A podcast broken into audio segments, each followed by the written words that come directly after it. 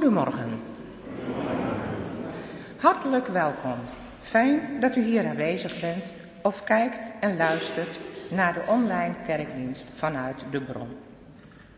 Voorganger van morgen is dominee Peter van der Peppel. De muzikus is Wietse Menardi. En mijn naam is Jieke Meinders. Ik ben ouderling en vanmorgen ambtsdrager van dienst. Als teken dat wij deze dienst wijden aan God die licht is, ontsteek ik nu eerst de kaarsen op de tafel. En als u dat mooi vindt, kunt u thuis ook een kaars aansteken.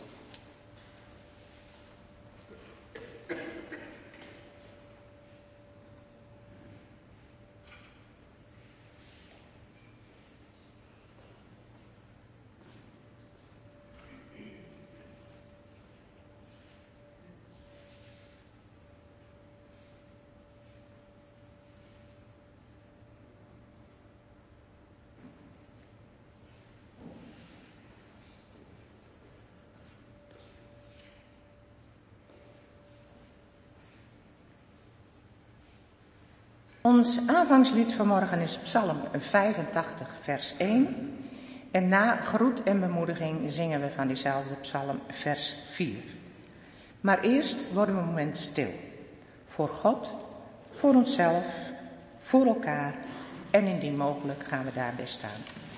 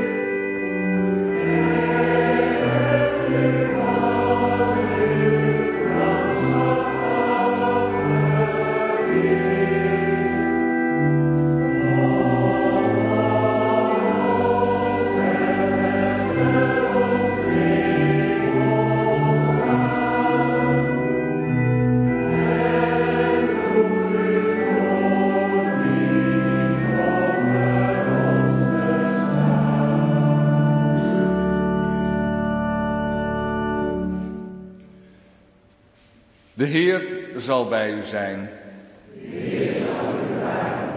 Onze hulp is in de naam van de Heer. Goede God, met ogen vol verlangen zien we naar u uit. Wij zoeken licht voor ons hart en ons leven. Maak het stil in ons, opdat wij uw stem horen.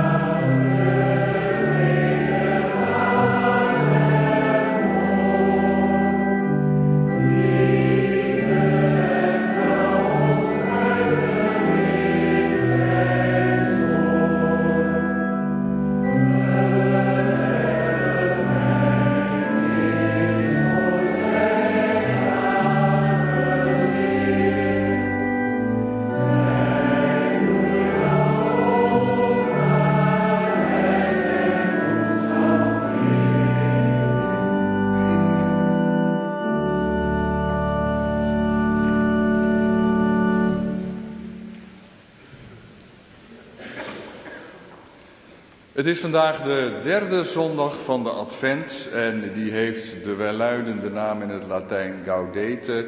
En dat betekent zoiets als verblijd u, verheugt u. Naar een woord van Paulus uit Filippenzen 4. Laat de Heer uw vreugde blijven. Ik zeg u nogmaals, wees altijd verheugd. Vreugde van het naderend kerstfeest breekt al een beetje door. Eh, in ons midden. En dat betekent dat de kleur paars eh, zich met een beetje wit vermengt en tot roze wordt. Dus het is vandaag een roze zondag, zou je kunnen zeggen.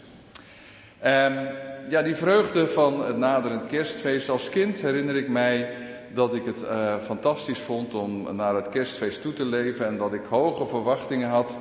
En als het kerstfeest dan eenmaal aanbrak, dacht ik, ja, nou ja, is dit het dan eigenlijk? Dan, dan, het was ook zo weer voorbij en, en, en en nu ervaar ik eigenlijk veel meer dat ik denk, ja, de tijd naar kerst toe leven, dat is misschien wel het mooiste. En die duurt veel langer en ja, je beleeft van alles een mooie, bijzondere tijd, vind ik altijd. Zullen we bidden? Heer onze God, Paulus zegt, verheug u, wees blij en toch is dat een moeilijk woord in onze dagen. Er zijn zoveel zorgen, zeker wereldwijd. Als we kijken naar de beelden uit Gaza, uit Israël, als we beelden zien van de Oekraïne, beelden van vluchtende mensen. Als we denken aan polarisatie in onze samenleving, zorgen die er zijn om een nieuwe regering. Zorgen die misschien ook aanwezig zijn in onze eigen levens. O God, en daarom verlangen we naar licht, naar vrede, naar verbinding. In de verte gloeit al het licht van kerst.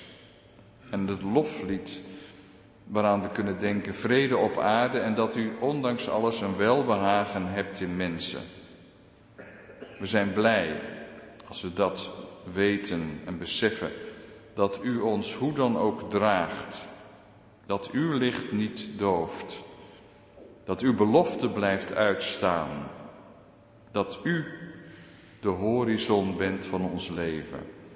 Uw liefde, uw nabijheid, uw dragende handen. Amen. De derde adventskaars wordt aangestoken door Jikke.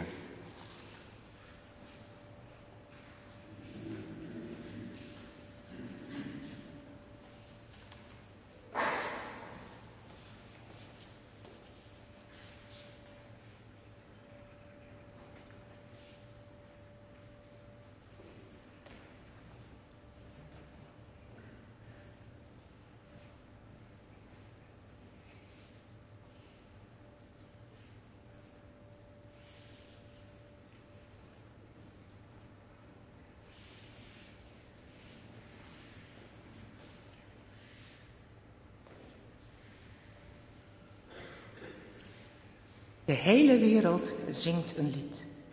God vergeet de mensen niet. Steeds maar groter wordt het licht. Kerstfeest is nu echt in zicht.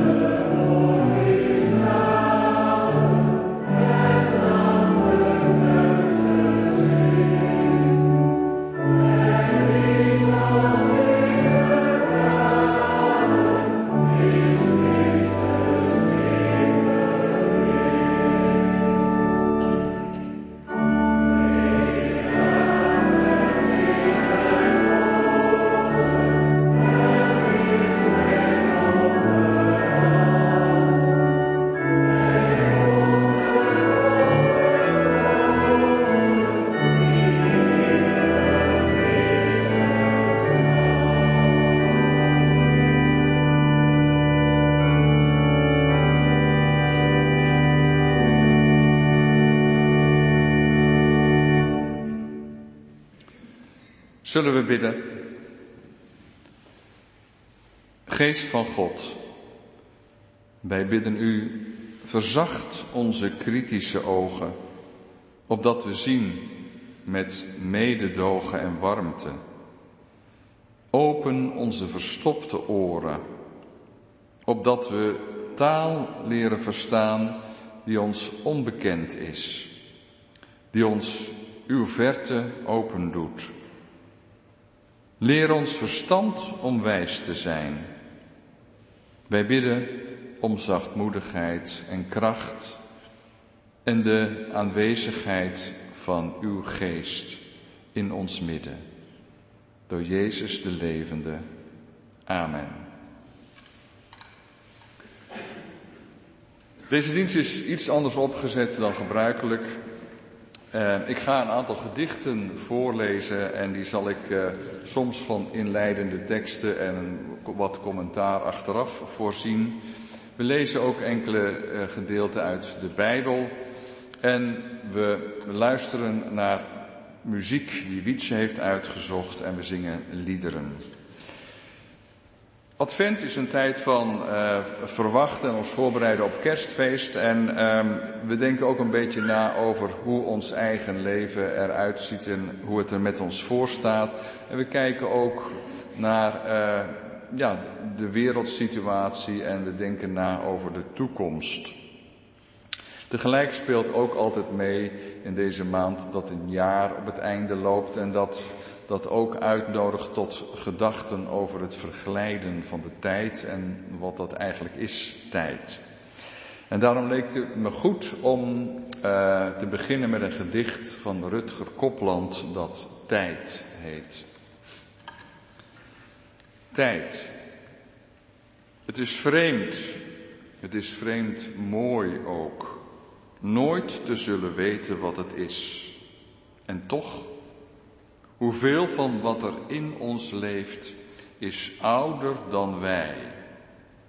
Hoeveel daarvan zal ons overleven? Zoals een pasgeboren kind kijkt, alsof het kijkt naar iets in zichzelf. Iets ziet daar wat het meekreeg. Zoals Rembrandt kijkt op de laatste portretten van zichzelf alsof hij ziet waar hij heen gaat. Een verte voorbij onze ogen. Het is vreemd, maar ook vreemd mooi te bedenken dat ooit niemand meer zal weten dat we hebben geleefd. Te bedenken hoe we nu leven, hoe hier, maar ook hoe niets ons leven zou zijn zonder de echo's van de onbekende diepten in ons hoofd. Niet de tijd gaat voorbij, maar jij en ik. Buiten onze gedachten is geen tijd. We stonden deze zomer op de rand van een dal. Om ons heen alleen wind.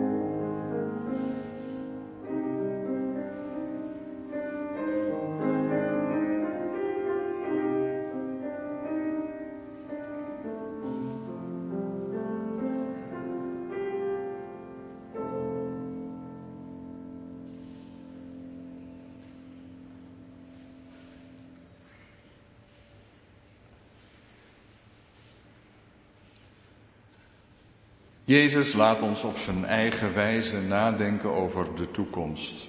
Over datgene wat we juist wel of misschien niet durven verwachten. Koninkrijk van God noemt hij het. Hoe zou het zijn, hoe zal het zijn als God komt en alles naar zijn hand zet? We luisteren naar woorden uit het evangelie waar Jezus zegt, hij vertelde hun ook een gelijkenis. Kijk naar de vijgenboom en al de andere bomen. Als je ziet dat ze uitlopen, weet je dat de zomer in aantocht is. Zo moeten jullie ook weten wanneer jullie die dingen ziet gebeuren, dat het koninkrijk van God nabij is. We zingen lied 463.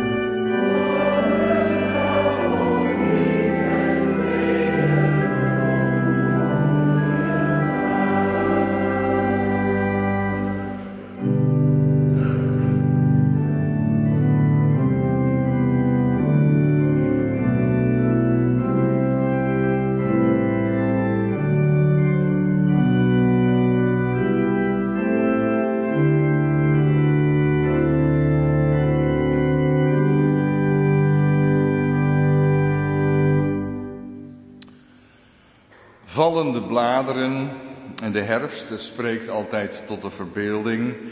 Het is mooi om te zien. En tegelijkertijd roept die natuur ook weer gedachten los over ons mensenleven. Jezus ziet in de bloei van die vijgenboom een beeld van hoop, maar ook van waakzaamheid voor mensen. Hans Hagen, een dichter, kijkt weer op een andere manier en ziet in een hangend en bijna vallend herfstblaadje het dilemma dat we allemaal wel kennen. Het dilemma van vasthouden of loslaten. Herfst is het blaadje dat het langst blijft hangen. nieuwsgierig naar wat er komen gaat, of durft het niet te vallen, bang dat het iets achterlaat? De Belgische dichter Mark Tritsmans die beschrijft wat zo'n vallend blaadje bij hem losmaakt. Blad. Zoals dit ene blad losraakt vanuit de top van een beuk, in volkomen windstilte vallend, zich nog om en om wentelt in de lage zon van november met alle lente- en zomerdagen en nachten onder bruin verkleurde huid. En ik het één meter boven de aarde met vlugge hand van een voorspelbare ondergang red. Zo zou ook een hand ons ooit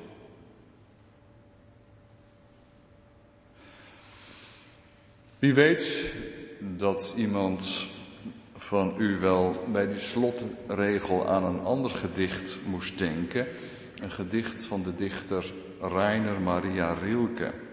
Die schreef ook over herfst en vallende bladeren. En bij die vallende bladeren moest hij ook denken aan mensen. Hij dacht, ja, mensen vallen net zo goed als de bladeren. En vervolgens schreef hij deze regels op. Wij allen vallen. Deze hand hier valt. En kijk toch naar de andere. Het zit in allen. En toch is er iemand die dit vallen oneindig zacht in zijn handen houdt. Rilke schrijft iemand met een hoofdletter.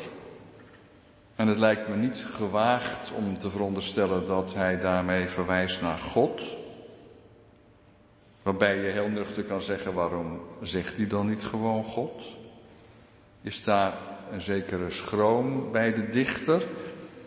Of denkt hij misschien wel, ja, het is toch ook wel weer wat gemakkelijk gezegd. We, we vallen, maar ja, God vangt ons wel op. Nee, als je het woord iemand zegt, dan wordt het meer een vermoeden dan een graniete zekerheid. En Mark Tritsmans, die uh, Belgische dichter, die, die verwoordt die twijfel misschien nog wel duidelijk. Hij besluit zijn gedicht met de regel, zo zou ook een hand ons ooit. Punt. Ik dacht als hij die punten niet gezet had, was het wat opener geweest. Zal een hand ons opvangen, zoals Rilke zegt? Tritsmans twijfelt eraan, denk ik. Is het wel, is het niet zo? Die punt suggereert voor mij veel dat hij denkt, nou ja, dat geloofden we vroeger wel, de meeste van ons, maar ik weet niet. Ik denk dat het niet zo is.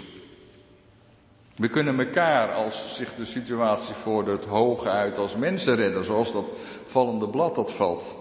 Dat zou misschien nog wel kunnen. En tegelijk, als die gedachten bij me omhoog komen, denk ik, doe ik recht aan wat de dichter bedoelt? Een dichter bedoelt vaak meer dan één ding tegelijk. Dat is juist het mooie van een gedicht. Is het toch misschien iets groters? Staat er toch een belofte uit?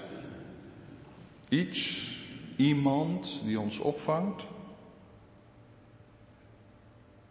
Oosterhuis kende minder terughoudendheid, Huub Oosterhuis. Hij schreef ooit, want niemand valt of hij valt in uw handen. Je valt wel, maar je komt toch ergens terecht. Huub Oosterhuis, hij overleed op eerste paasdag en hij getuigde in al zijn teksten van meer. Van hartstocht voor een rechtvaardiger wereld en zijn teksten waren ook zeker zoekend en twijfelend, anders dan misschien de granieten zekerheden waar ook hij uit afkomstig was. En tegelijkertijd bleef hij toch vasthouden aan geloof, aan rechtvaardigheid. Hij schreef een liedtekst ook over een boom. Ik lees hem voor. Boom, je stam was koud en bloot, in de winter leek je dood. Komt de zomer, vuur en vlam, bloeien rozen aan je stam. Mens, wat ben je dood en koud, als je niet van mensen houdt. Zonder liefde, vlam en vuur is je leven kort van duur. Zonder lachen, licht en lied, zonder liefde gaat het niet. Mensen leeft toch en God weet, vind je liefde bij de vleet. Lied 462.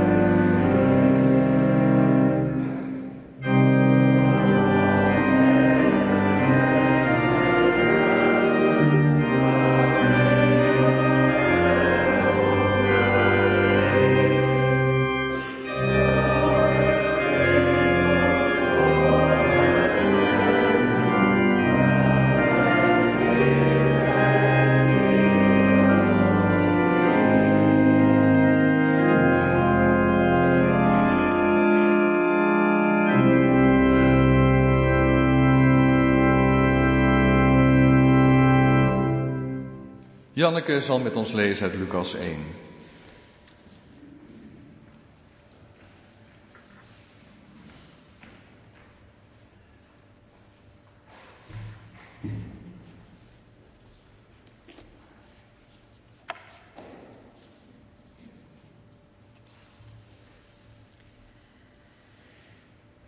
In de zesde maand zond God de engel Gabriel naar de stad Nazareth in Galilea naar een meisje dat was uitgehuwelijkt aan een man die Jozef heette, een afstammeling van David.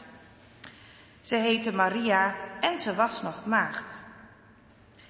Gabriel ging haar huis binnen en zei, Gegroet Maria, je bent begenadigd, de Heer is met je. Ze schrok hevig bij het horen van zijn woorden en vroeg zich af wat die begroeting te betekenen had. Maar de engel zei tegen haar, Wees niet bang, Maria. God heeft je zijn gunst geschonken. Luister, je zult zwanger worden en een zoon baren en je moet hem Jezus noemen. Hij zal een groot man worden en zoon van de Allerhoogste worden genoemd. En God, de Heer, zal hem de troon van zijn vader David geven. Tot in eeuwigheid zal hij koning zijn over het volk van Jacob. En aan zijn koningschap zal geen einde komen. Maria vroeg aan de engel, hoe zal dat gebeuren? Ik heb immers nog geen gemeenschap met een man. De engel antwoordde, de Heilige Geest zal over je komen en de kracht van de Allerhoogste zal je als een schaduw overdekken. Daarom zal het kind dat geboren wordt heilig worden genoemd en zoon van God.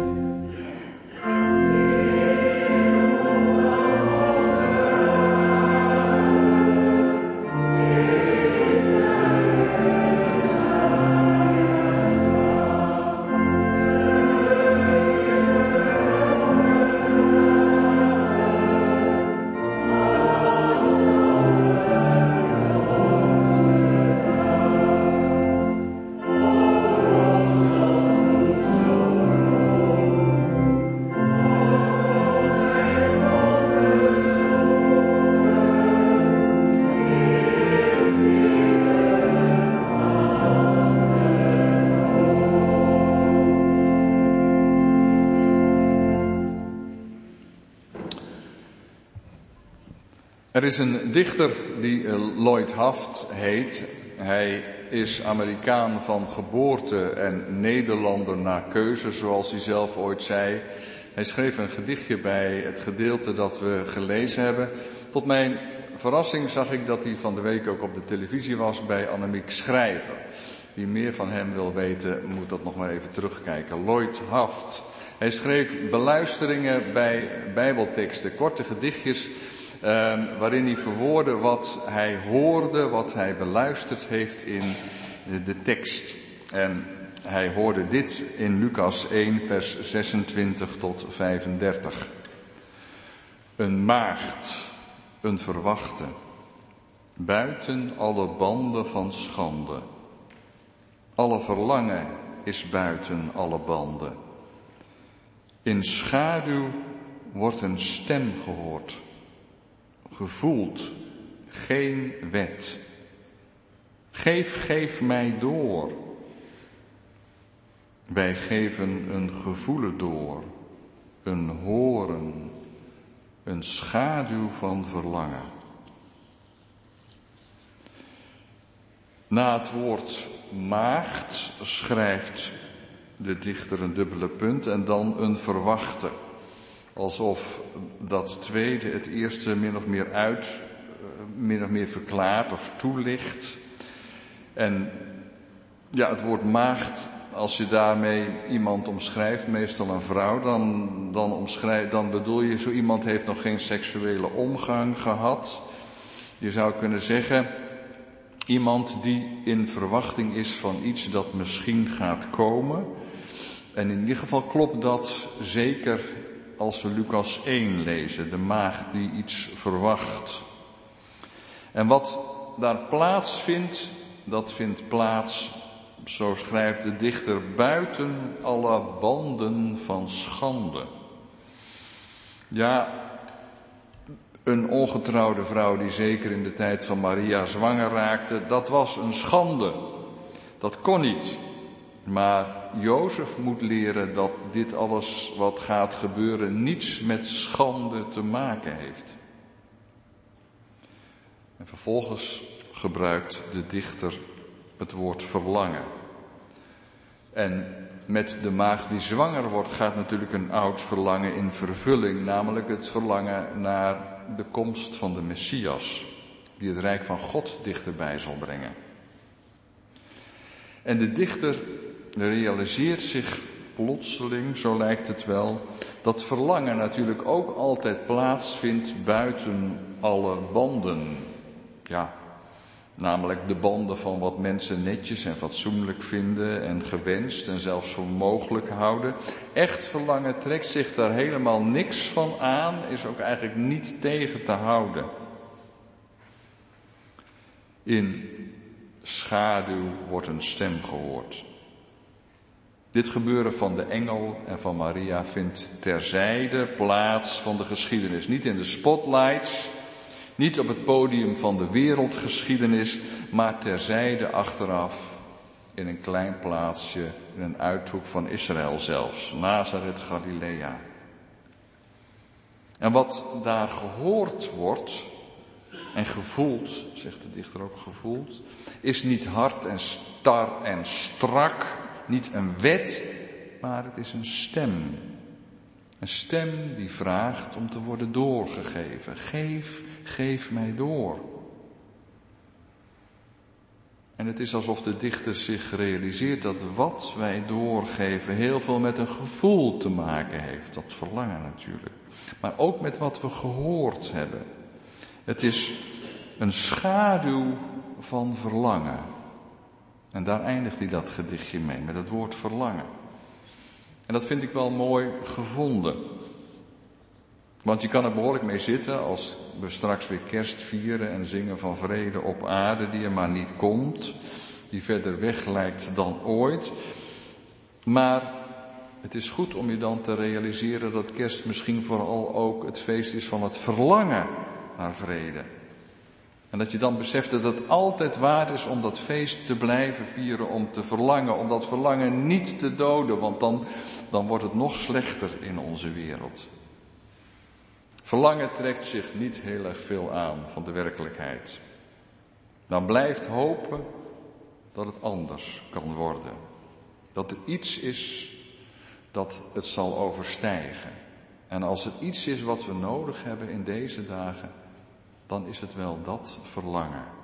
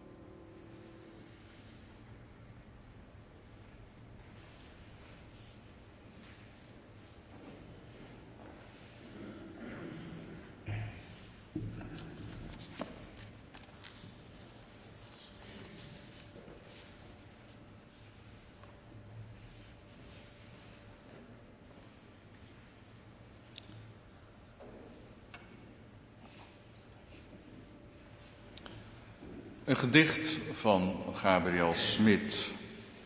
Antwoord. Soms ben ik bang dat u niet blijft, dat uw voeten leeg bloeden op lege wegen, dat uw vriendelijke handen tegen zoveel verraad, zoveel weerspannigheid in mensen en dingen niet bestand zijn. Dat u zeggen zult, ik had beter moeten weten. Mensen waarheid leren is waanzin, leugen hun vaderland. Moet ik u dan nu in de kribbe waarschuwen? Zeggen, doe het niet, doe het anders. Laat uw moeder vergeten wat de engel sprak. Uw eigen stilte. Nacht, sterren, adem, zingt uw lied van antwoord. Zelfs op aarde vrede.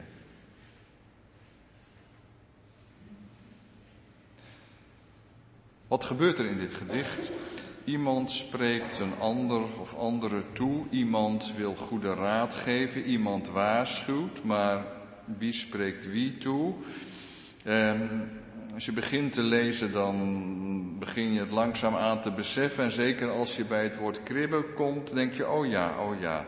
Iemand spreekt tegen Jezus en misschien wel tegen Maria en zegt, doe het maar niet, doe het, doe het maar niet, doe het anders misschien. Maar eh, die stem suggereert van ja, wat er tegen Maria gezegd werd, dat kan allemaal maar beter vergeten worden. Het hele verhaal is een mooi sprookje, maar niet meer dan dat. Het is allemaal verkeerd afgelopen, er is iets verkeerds uit voortgekomen. Voeten die leeg bloeden aan een kruis, vriendelijke handen, maar die werden vastgespijkerd. Een vriend die een ander heeft verraden. Een vriendengroep die een vriend in de steek liet.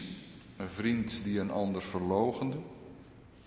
Mensen die er niet aan wilden aan wat diegene zei over vijanden en liefhebben.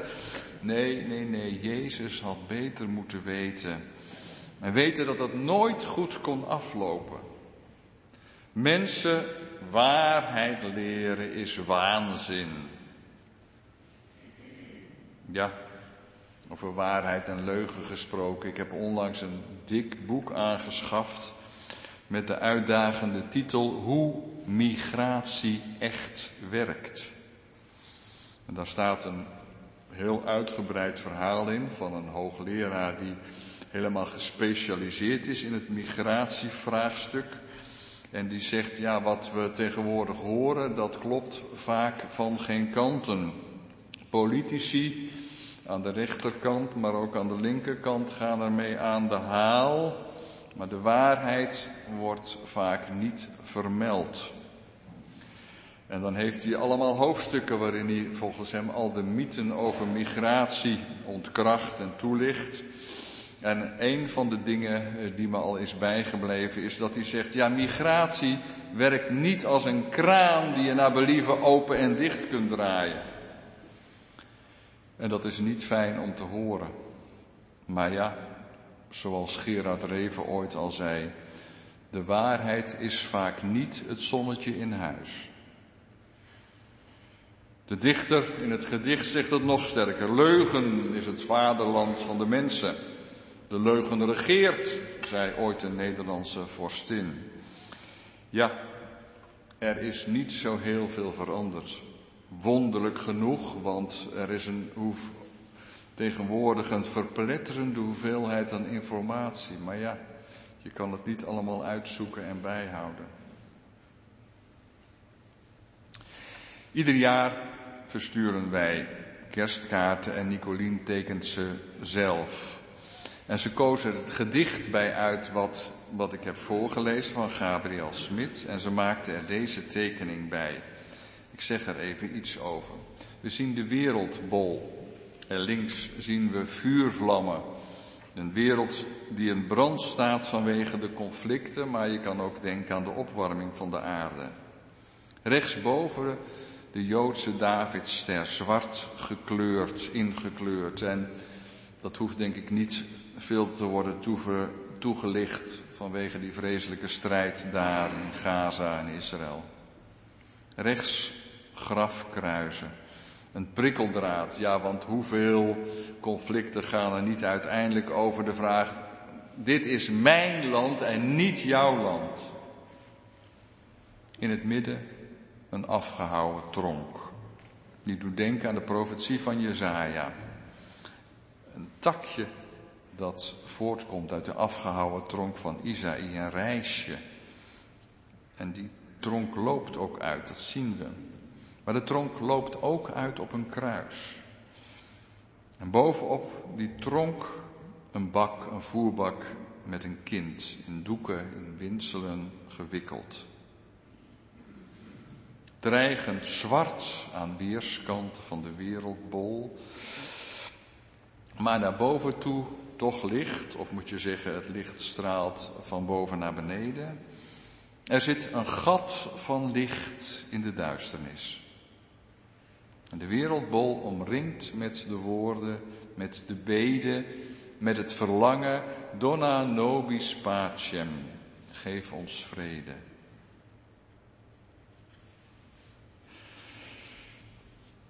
Nog even terug naar het gedicht. De dichter laat dus iemand zeggen van ja, dat hele kerstverhaal en alles, um, misschien kunnen we het eigenlijk maar beter vergeten, had niet moeten gebeuren. Hij somt een, somt een hele lijst bezwaren op, de bezwaren die hij waarschijnlijk in zijn eigen hart al voelt. En velen van ons zullen hem daarin wel kunnen, gelijk kunnen geven. En toch, toch neemt hij er ook weer geen genoegen mee met die tegenstem. Want na alle tegenwerpingen besluit hij dat hij toch nog iets hoort. En dat is, gek genoeg, een stilte. En die stilte, die is het antwoord.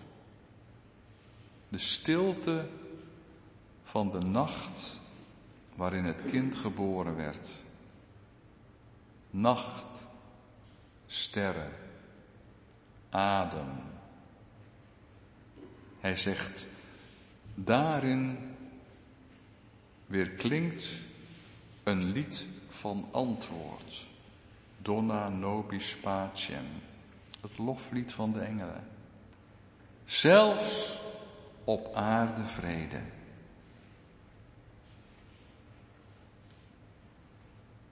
Gelooft u het?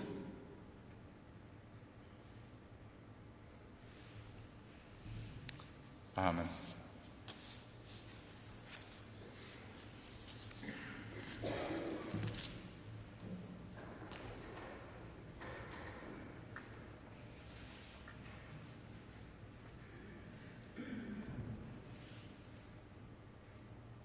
We zingen lied 445.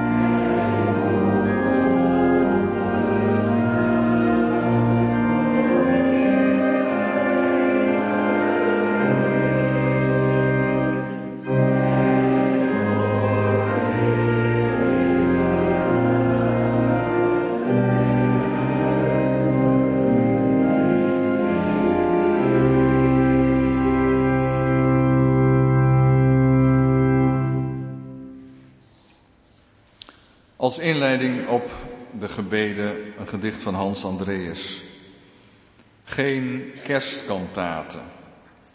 Niet alleen in het holst van de nacht van het jaar, iedere dag van het jaar heeft het licht het koud. Het vraagt om geen engelenstemmen. Het hongert naar een beetje gerechtigheid aan deze kant van de tijd. En dromen doet het ook niet van eeuwig hemelse zomers in en om het vaderhuis. Het hunkert naar aardse dagen ooit zonder marteling en moord. Het licht dat van puur licht kind is en woord. Zullen we bidden? Bij u komen we, o God, op weg naar kerstfeest. Oude woorden, bijna versleten verhalen. En toch, als ze tot klinken komen en tot leven, dan kan dat verlangen weer aangewakkerd worden.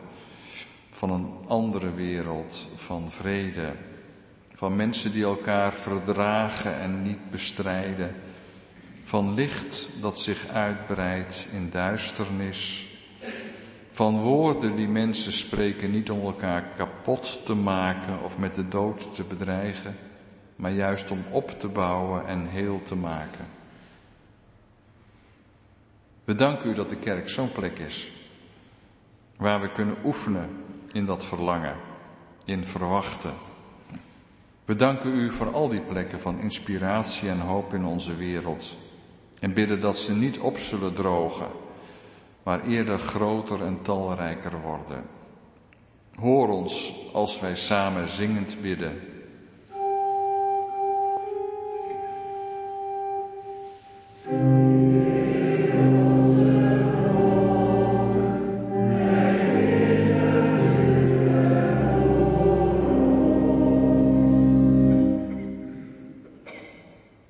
Voor onze wereld bidden we, Israël en Gaza, Joden en Palestijnen, hoeveel mensen moeten er nog omkomen voordat er vrede is, o God, o Heer, erbarm u. Geef menselijkheid, verdraagzaamheid, staakt het vuren. Tegen alle angst en strijd en terrorisme bidden we samen zingend.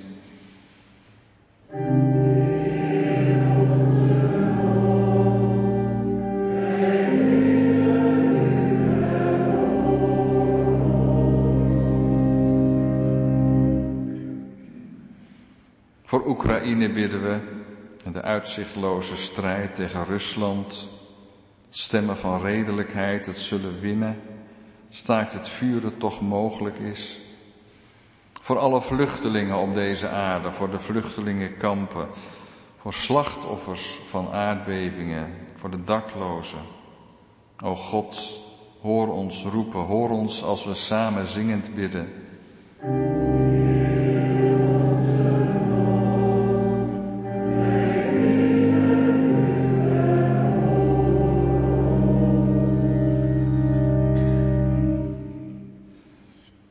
Bidden voor onszelf hier in de kerk, voor mensen die zorgen hebben, voor wie het leven zwaar is, voor wie rouwen om een geliefde die is weggevallen, voor wie het einde voelt naderen, voor wie zorgen hebben, ook misschien om de eindjes aan elkaar te kunnen knopen.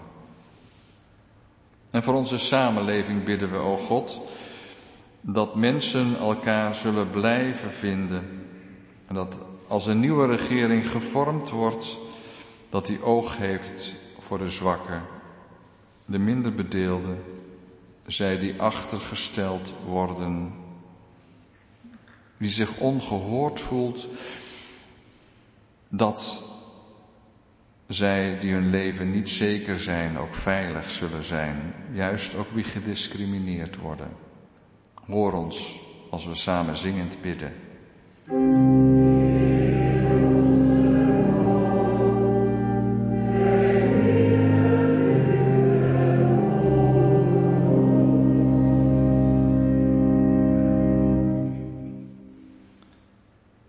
O God, beschijn ons met uw licht van liefde. Dat liefde het wind van haat, licht van duister, hoop van wanhoop, verbinding van polarisatie. In de stilte openen wij onze harten voor u.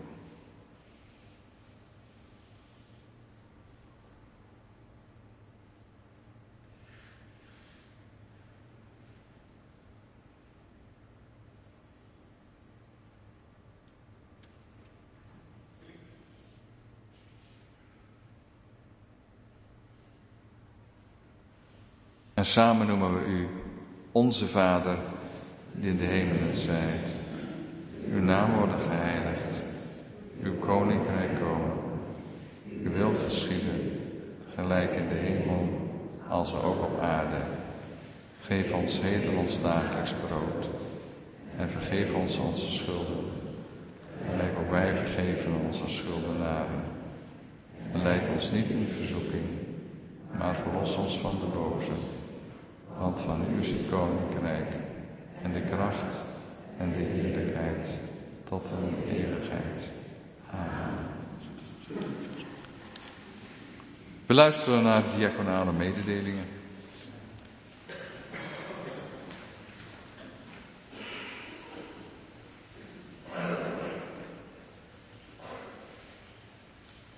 De bloemen. De bloemen namens de bron zijn voor Tineke en Wim Koster aan de Nicolaas Beetstraat met een hartelijke groet en een bemoediging vanuit onze gemeente. Wie wil de bloemen bezorgen? Ja, bedankt. Om de bloemen ook echt iets van ons samen te laten zijn, kunt u straks uw naam schrijven op het kaartje dat op de tafel in de hal ligt. De kaart wordt samen met de bloemen bezorgd. De bloemen namens de ontmoeting zijn voor Gerard Smit aan de Alette Jacobsweg als dank voor zijn grote inzet voor de kerk. Dan de voedselbank. De voedselbank wil u bedanken voor uw bijdrage deze morgen. Er zijn vier kratten goederen ingezameld, dus dat is helemaal geweldig. En daarnaast ook nog heel veel giften. Dank daarvoor.